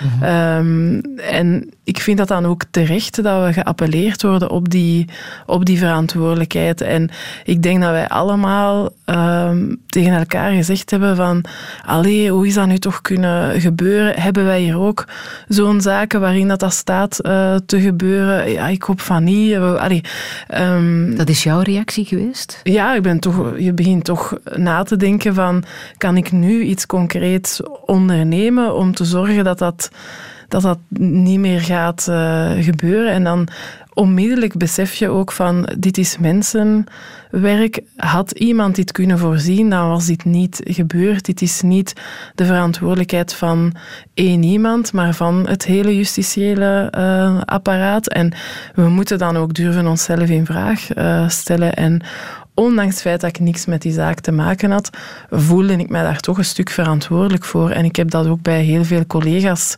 uh, ervaren. Mm. Er was die indrukwekkende stille mars in Antwerpen een week na uh, uh, de feiten. Um, haalt zoiets iets uit als mensen hun gevoel tonen en dan zo'n mars organiseren? Denk je dat dat ja, dat die dood dan niet voor niets is geweest? Ja, ik denk dat stilte eigenlijk ook het enige is dat op dat moment op zijn plaats uh, is. Het is niet het moment voor de grote verklaringen en discours, maar ik denk wel dat daar een heel krachtig signaal uh, gegeven is um, en dat dat ook niet te negeren uh, valt. En we zien dat er in ons land na stille marsen wel het een en ander in beweging uh, kan komen. We hebben dat ook na, na de affaire Dutroux uh, gezien. Um, het is misschien niet helemaal vergelijkbaar, maar ook daar ja, kon iedereen zich voorstellen of inbeelden dat het met zijn kinderen uh, gebeurd was. En dan, ja, dan staat het land op zijn kop en in stilte buiten. En ik geloof wel dat dat zijn effect heeft. Hoe veilig is het eigenlijk voor een jonge vrouw in ons land op dit moment? Ik zou willen zeggen heel veilig, maar ik weet dat eigenlijk niet. Um, ik denk wel dat we moeten gewoon blijven, blijven buiten komen. En ik, ik blijf ook gewoon joggen in het bos alleen omdat ik mij daar niet onveilig uh, voel. Maar het is wel goed dat het maatschappelijk debat gevoerd uh, wordt en dat we ons wel gaan afvragen hoe veilig het is. Maar ik kan daar zo geen, geen antwoord uh, op geven. Maar ik hoop veilig genoeg dat onze eigen kinderen ook gewoon met de fiets naar school kunnen gaan. En ik denk dat dat de uitdaging is waar dat we voor staan. Dat we niet, ons niet terugtrekken in onze loopgraven, maar dat we er vooral voor zorgen dat onze kinderen met de fiets naar school kunnen. Ja, maar wat is beter? Meer blauw op straat of beter voor elkaar zorgen? Een combinatie van beide. Uh, ik denk dat mensen vooral terug moeten zien dat de politie aan hun kant staat. Uh, dat men kinderen niet uh, grootbrengt. Uh, dat je moet bang zijn voor de politie. Hè. Je moet de politie bellen als je in nood bent. En de politie komt u, komt u ook helpen. Uh, dat is een rare kronkel die er soms bij mensen in zit. Dat men de kinderen gaat bang maken voor de politie. Dat helpt totaal niet. En anderzijds goed voor elkaar zorgen. Het aantal keren dat Alain Remu van de Celvermiste Personen uh, daartoe al heeft opgeroepen nadat er weer een jonge gast in, in de Schelde terechtgekomen is of zo na, na het uitgaan. Dat hij zegt van check met wie met wie naar huis gaat, zorg dat iedereen veilig thuis geraakt. En dan hoeft er nog niet eens een verkrachter of een moordenaar in het spel uh, te zijn. Maar dat stel ik wel vast, dat dat iets is dat we bij ons in de vriendengroep wel, wel doen. Checken dat iedereen veilig thuis geraakt. Als je een babysit thuis afzet, dan kijk je totdat die effectief binnen is, bijvoorbeeld. Ik denk dat dat echt kleine dingen zijn die we allemaal kunnen doen om te zorgen dat iedereen uh, terechtkomt. Ja, we hebben Child Focus, wat een uh, fantastische organisatie is, maar een aantal jaren geleden deed je ook een oproep naar iets als uh, Senior Focus, want het is inderdaad wel zo dat er 80% van de vermiste personen, ja, dat die volwassen zijn. Hè. Het zijn lang niet alleen kinderen die verdwijnen nee. natuurlijk. Nee, en het is ook wel zo dat wanneer je s'avonds laat een driejarig jongetje alleen op een fietspad ziet dwalen, dat je wel zal stoppen en je zal afvragen van dat wat doet dat abnormaal. kind hier? Ja, ja.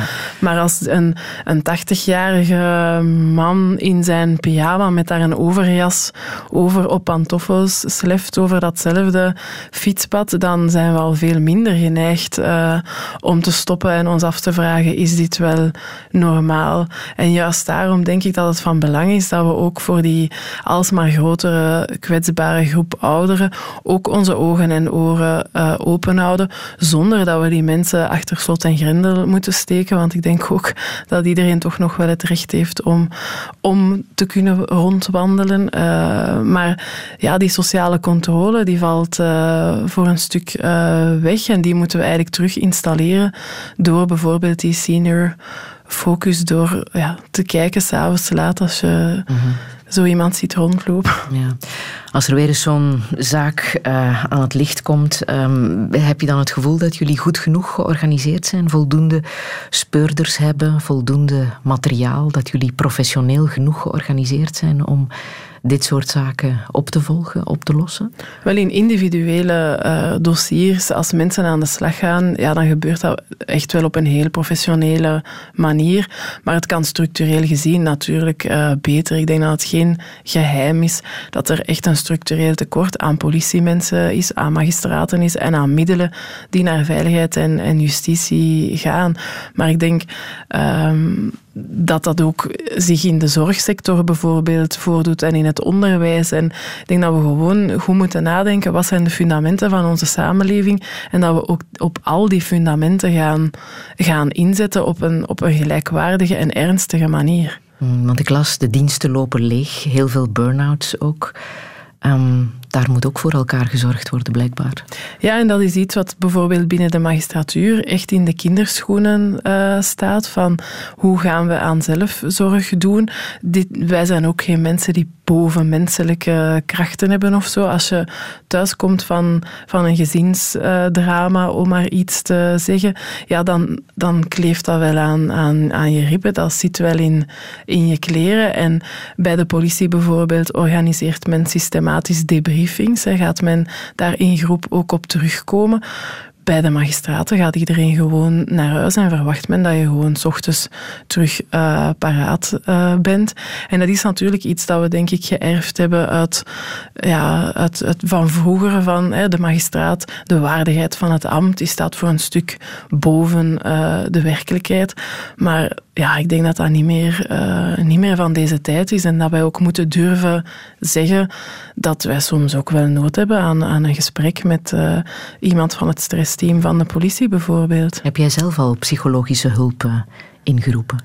Ja, dat is denk ik toch al één of twee keer uh, gebeurd. Gewoon, al is het maar dat iemand professioneel, een expert, een psycholoog tegen u zegt, wat je nu ervaart is normaal. Uh -huh. En dat dat niet in uw hoofd blijft malen van, wat, wat voel ik hier, wat is er hier met mij uh, aan de hand.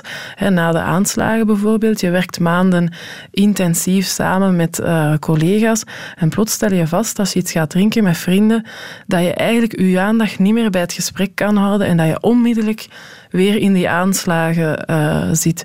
Ik dacht van, dat kan toch niet zijn dat mij dat hier niet meer gaat lukken om gewoon met vrienden uh, samen te komen.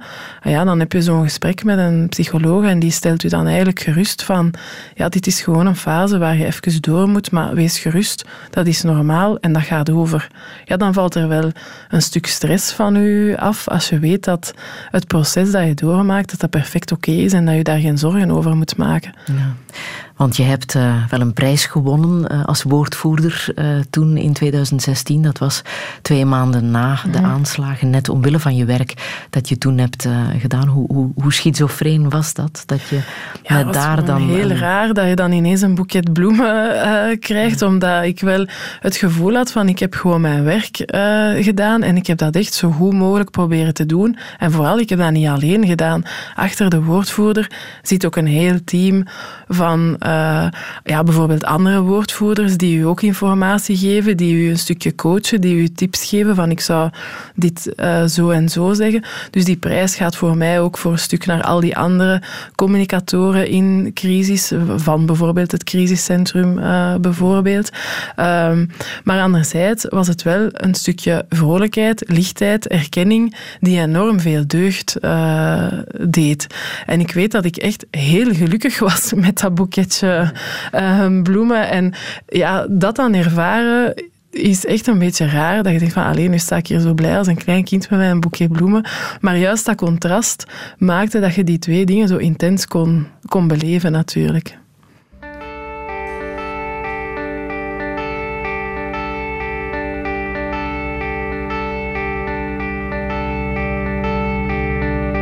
Step out the front door like a ghost into the fog where no one notices the contrast of white on white. And in between the moon and you, angels get a better view of the crumbling difference between wrong and right. Well, I walk in the air between the rain through myself and back again, where I don't know. Maria says she's dying. Through the door, I hear her crying. Why? I don't know.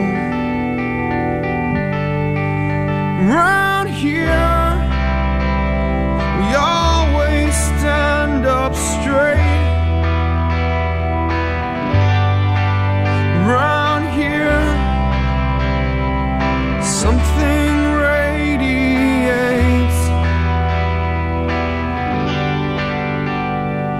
Came from Nashville with a suitcase in her hand.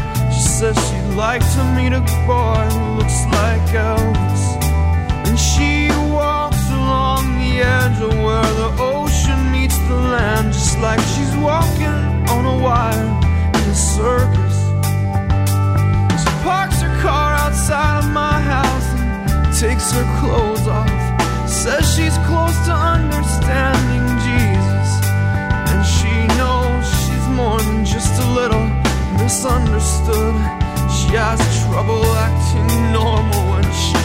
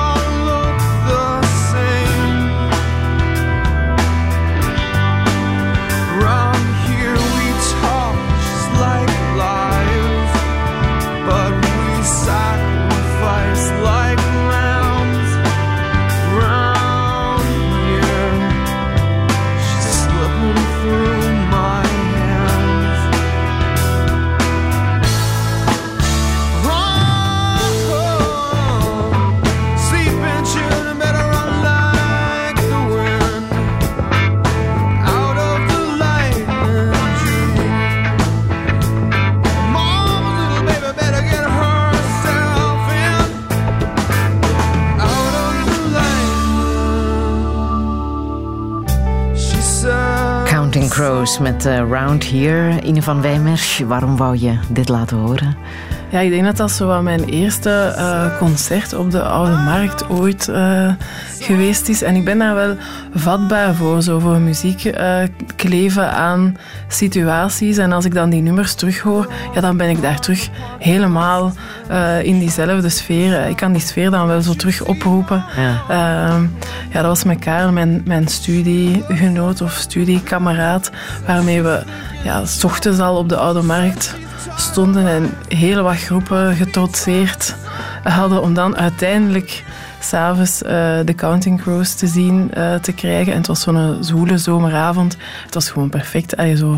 Soms kan het dan kan heel setting eh, meezitten. En ja, dat, dat blijft dan zo'n een herinnering. Ik kan daar wel echt aan vasthouden. Hoe belangrijk is vriendschap voor jou?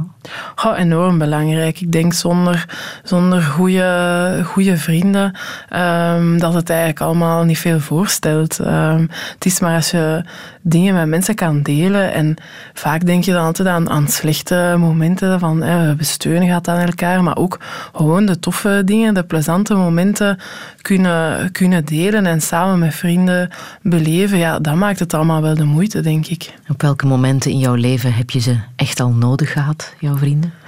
Goh, uh, ja, al is het maar bijvoorbeeld wanneer dat je, dat je in het huwelijk stapt of zo, dat iedereen daar is en dat iedereen blij, uh, blij is. En als dan daarna de kinderen komen en, en bij ons met iets te veel op korte tijd daar waren en, en uh, de tweeling die geboren is, die waren dan op 30 weken geboren. Dat was echt wel heel precair dat ze toen waren. Ja, plots schiet dan heel uw netwerk in, in gang en, en staat er soep aan de deur en zegt een vriendin van ik zal een keer met u mee warm eten komen eten in Gasthuisberg, dat je daar niet alleen met je plateau staat.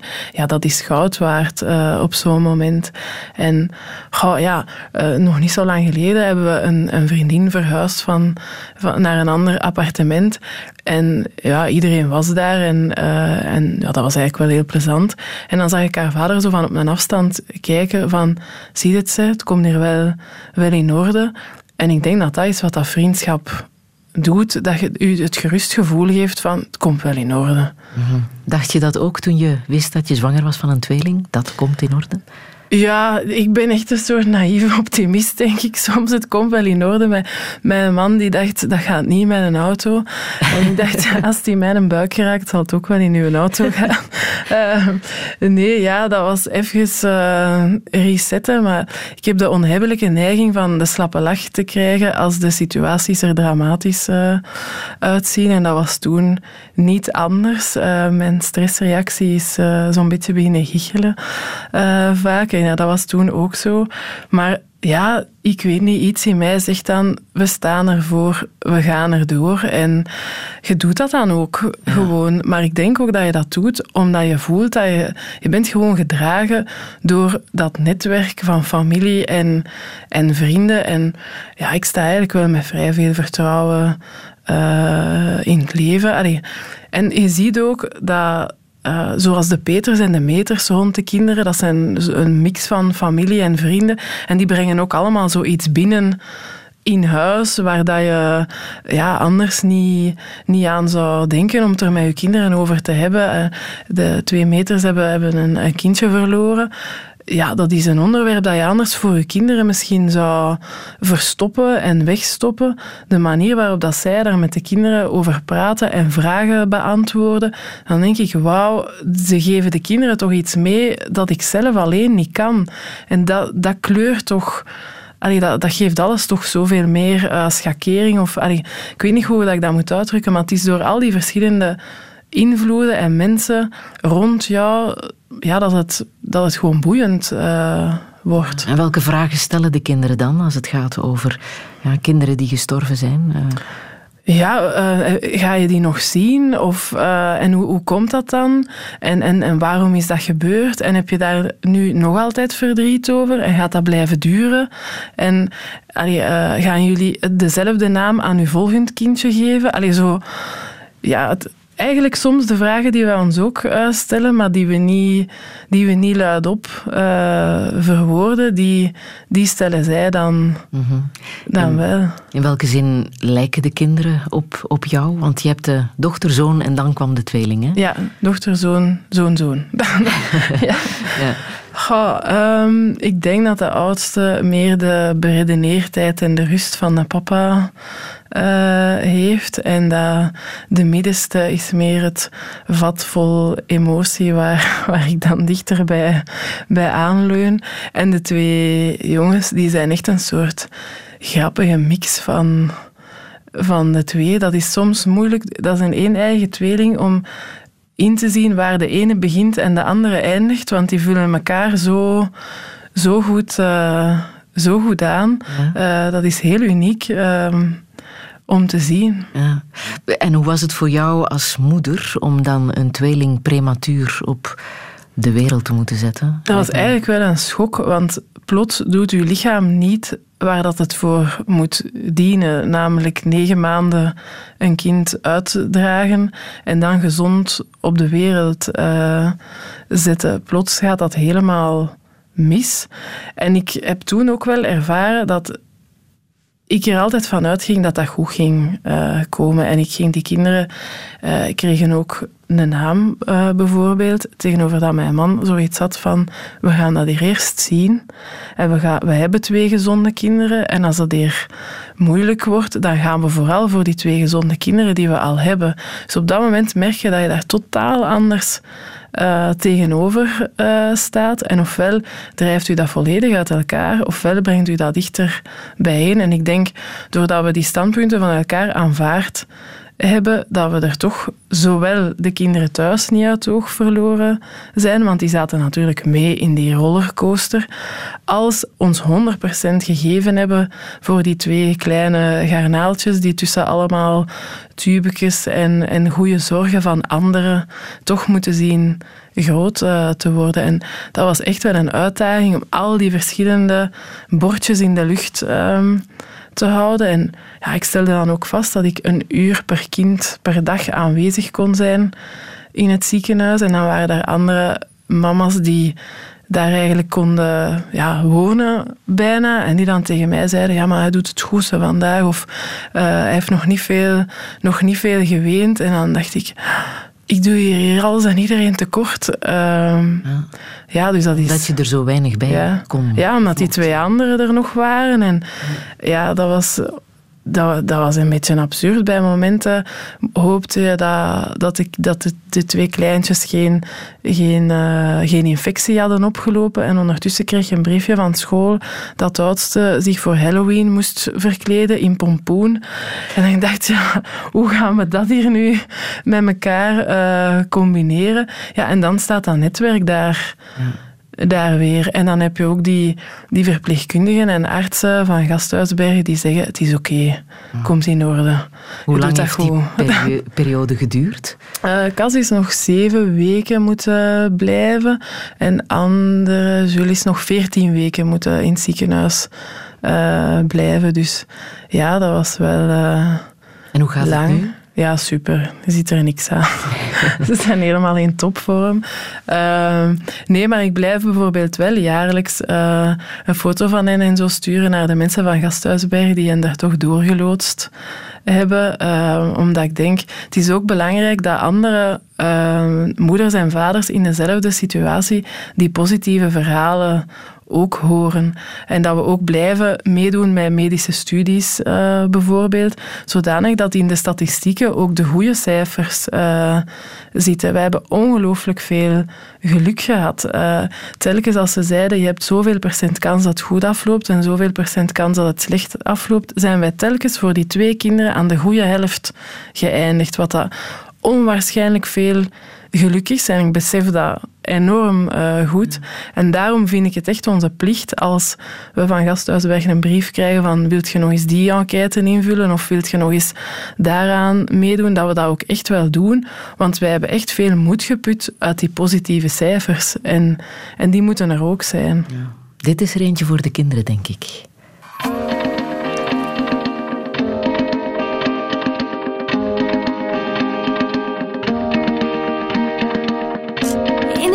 Van mijn ziel ben ik eenzaam en fragiel, maar ik sta de wereld aan als een winnaar.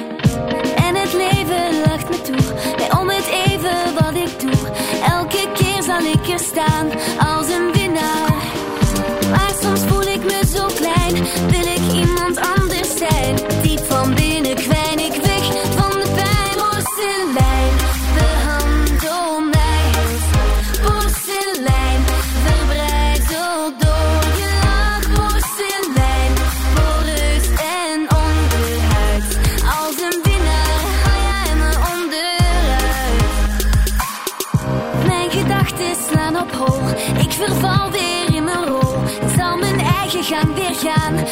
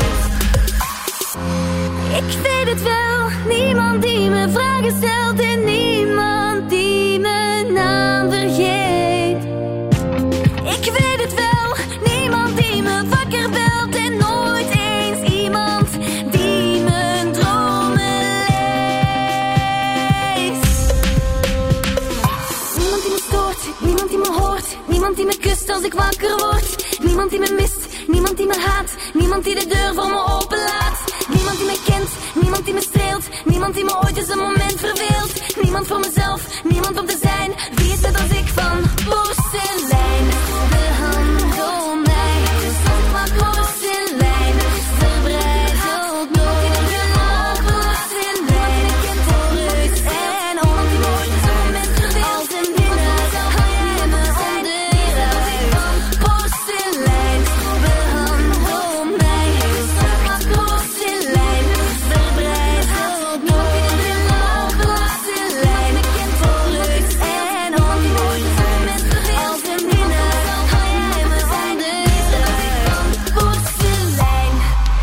Porselein in de versie van Like Me. Het is een nummer van Jasmin natuurlijk.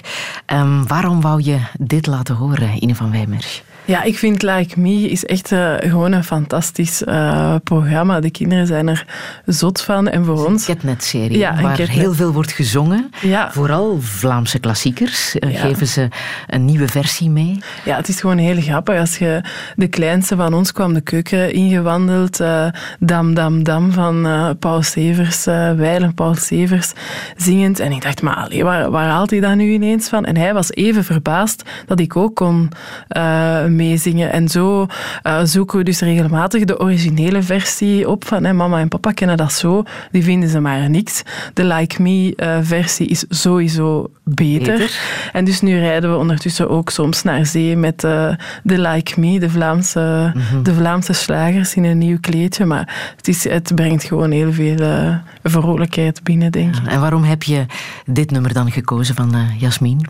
Ja, omdat dat wel een, een, een krachtig nummer is van een straffe eh, vrouw. En ze zegt ook van, hè, ik ben misschien wel stoer, maar behandel mij toch maar zacht. Eh, en dat is iets dat ik soms ook wel denk van, ik ben wel, wel fars en, en ik kom wel heel zelfzeker eh, voor de dag, maar doe toch maar zacht ook. Ehm, ik vind dat niet erg als, als mensen u toch ja, gewoon niet altijd onder druk zetten. Of, Dan ging het waarschijnlijk ook over Jasmin zelf. Hè? Want dit jaar is het eh, tien jaar geleden Ja, dat ze in uit het juni, leven denk stapte. ik, ja. Ah, Heeft jou dat geraakt? Dat ja, dat is toch... ehm, elke keer denk je, iemand moet toch heel, heel, heel eenzaam zijn voor je eh, tot zo'n daad eh, overgaat. En kan dan soms wel wat kwaad worden als mensen zeggen van ja, dat is laf en dat is eh, zwak. En ik denk gewoon dat de eenzaamheid niet groter kan zijn als bij iemand die uiteindelijk beslist om uit het leven te, te stappen. En ja, ik heb dan zo altijd het gevoel dat we zo'n stukje gefaald hebben van... Dat is ook niemand zijn schuld eh, op zo'n moment, maar zo dat collectief falen van... Allee, hoe is dat nu zo ver moeten komen? En was er dan echt niks meer waarvoor dat je wou, wou of kon de energie vinden om, om, om nog hier te blijven? Hoe dicht heb jij al bij de dood gestaan? Gewoon niet zo dicht eigenlijk. Valt best wel, best wel mee. Eh, tot nu toe gaat in mijn familie... eh, wordt de volgorde gerespecteerd. Hè. De grootouders... eh, ja, drie van de vier zijn de laatste jaren overleden. Maar dat is na een mooi en rijk gevuld ehm, leven geweest.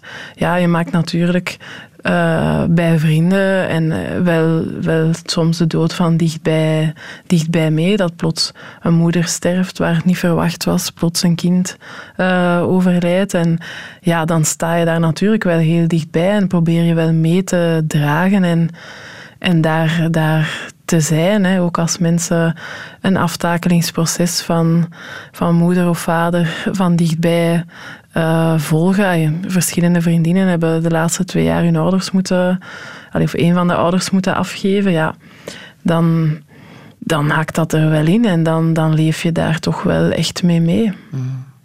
Ehm, wat doe jij om eh, mentaal en fysiek gezond te blijven?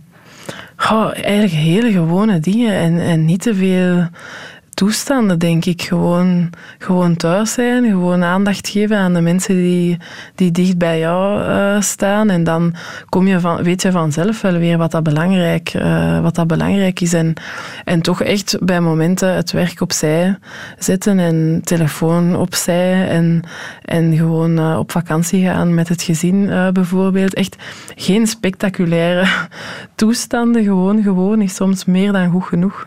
Ken jij je kinderen goed? Denk je? Ik mag het hopen. nee, ik denk van wel. Ja, um, soms komen ze natuurlijk nog altijd super verrassend uh, uit de hoek. En ik stel ook vast dat ik ze systematisch onderschat.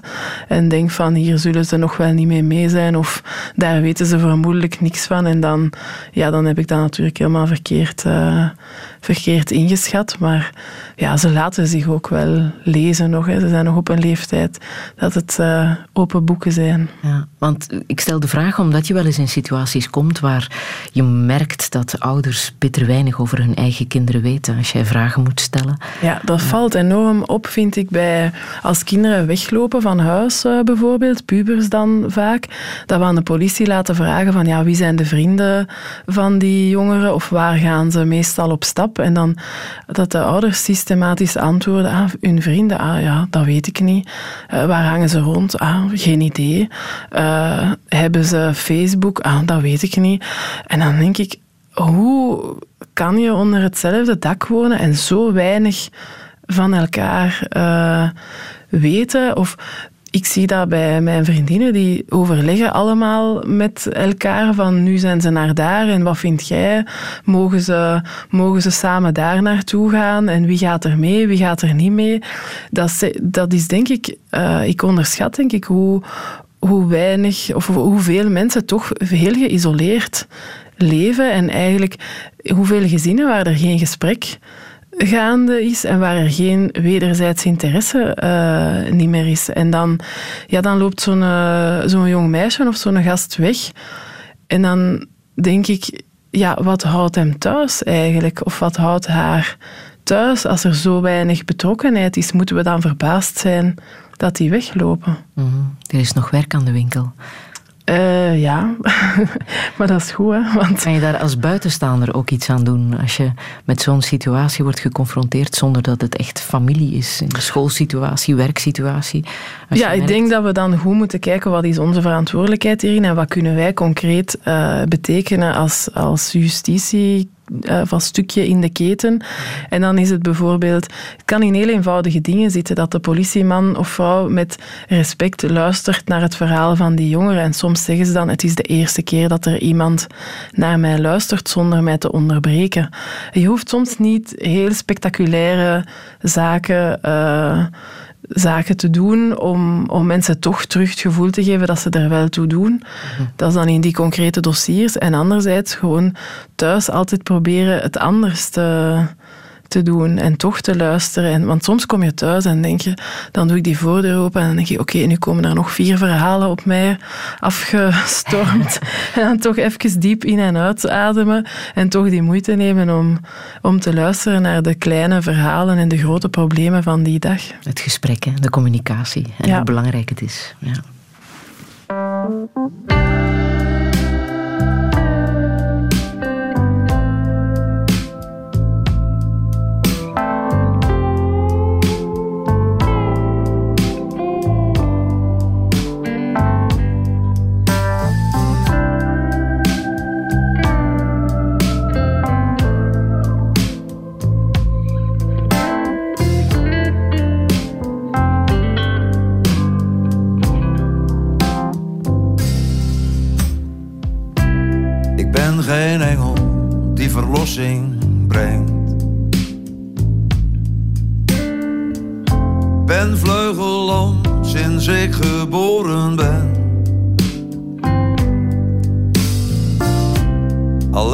Lijkt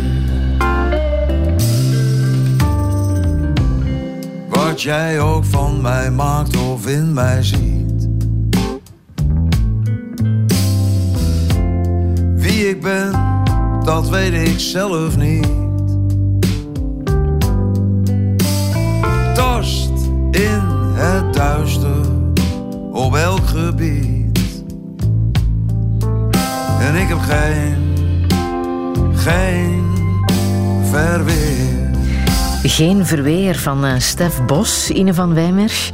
Je wou dit laten horen, hè? Ja, dat ik vind het al een fantastische titel. eh, geen, eh, geen verweer.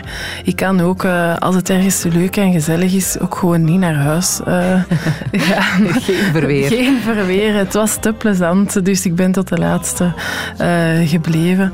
Ja, en anderzijds, ik heb me zitten afvragen laatst of dat er nog gesloopt wordt op, eh op vuur. ja?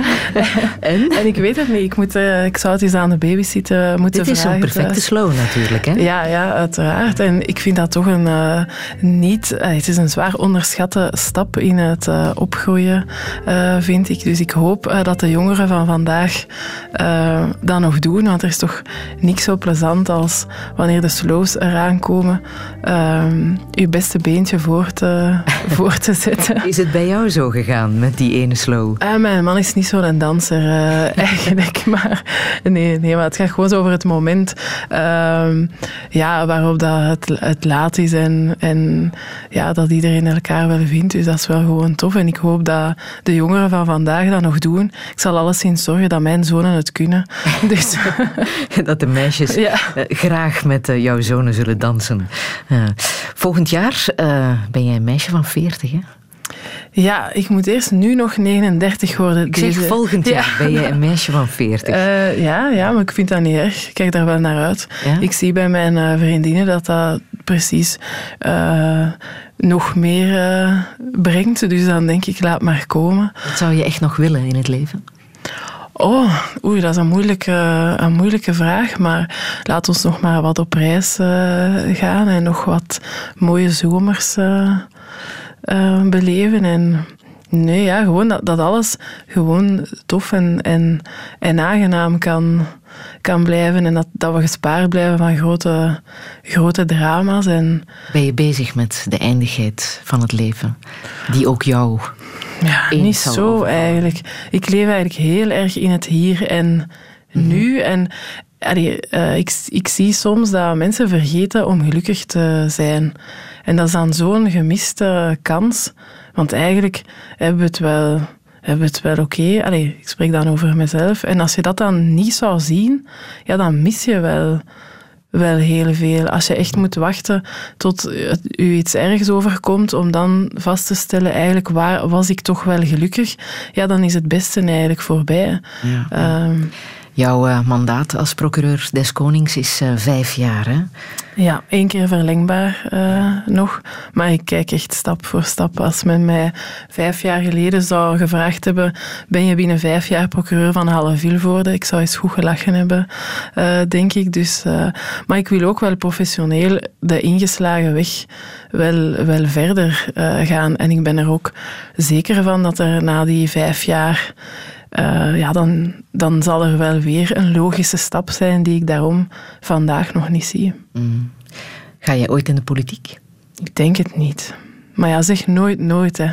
Je weet dat niet. Ik weet niet, ik weet niet wat, er nog, eh, wat er nog komt. Welke boodschap wil je nog meegeven? Aan de politiek? Nee, Ah, ik, dacht, iedereen. ik dacht, oei, dat is wel heel veel verantwoordelijkheid. Zeker op een Eh, dag als vandaag. Ja, nee, dat lijkt, leek mij delicaat. Nee, geniet gewoon van de zondag. En, eh, en meer moet het soms eh, niet zijn. Dat is soms meer dan goed genoeg. Nog eens op een festival geraken in de juiste setting. Dat is iets wat ook nog op jouw Ah, ja, dat- wishlist staat. Hè? Dat hoop ik. Zo zonder lange aanschuifrijen en daarna een calvarietocht om terug thuis te, te geraken. Een festival zonder aanschuiven en file. En voor de rest mooi weer, veel vrienden en goede muziek. Ja, dat mag. Als Daar iemand mag dat geregeld eh, krijgt. Op het podium Patty Smith, dat Ja, mag. dat mag. Dat mag. Laat Ja. maar komen. En hoe moeten wij jou daar dan bij voorstellen? Op de eerste rij, luid meezingend? Ja, zoiets. Dat is perfect. Ja. Voilà.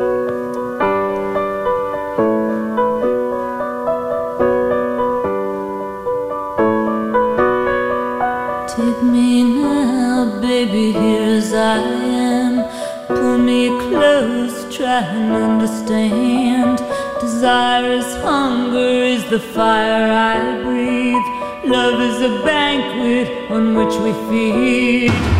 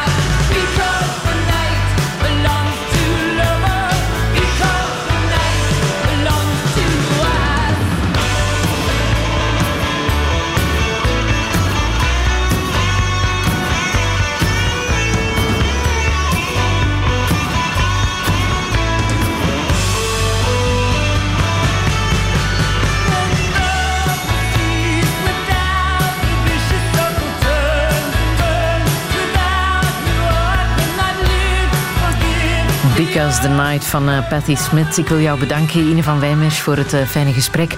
Alle info zetten we zo meteen op onze website radio1.be. Daar eh, kan je ook herbeluisteren en de podcast activeren. Volgende week verwacht ik hier de topvrouw van Telenet en dat is Anne Kaluwaerts. Een heel goede en nuttige verkiezingszondag nog. Dag. Herbeluister dossier via de podcast, de Radio 1-app en radio1.be. Touché.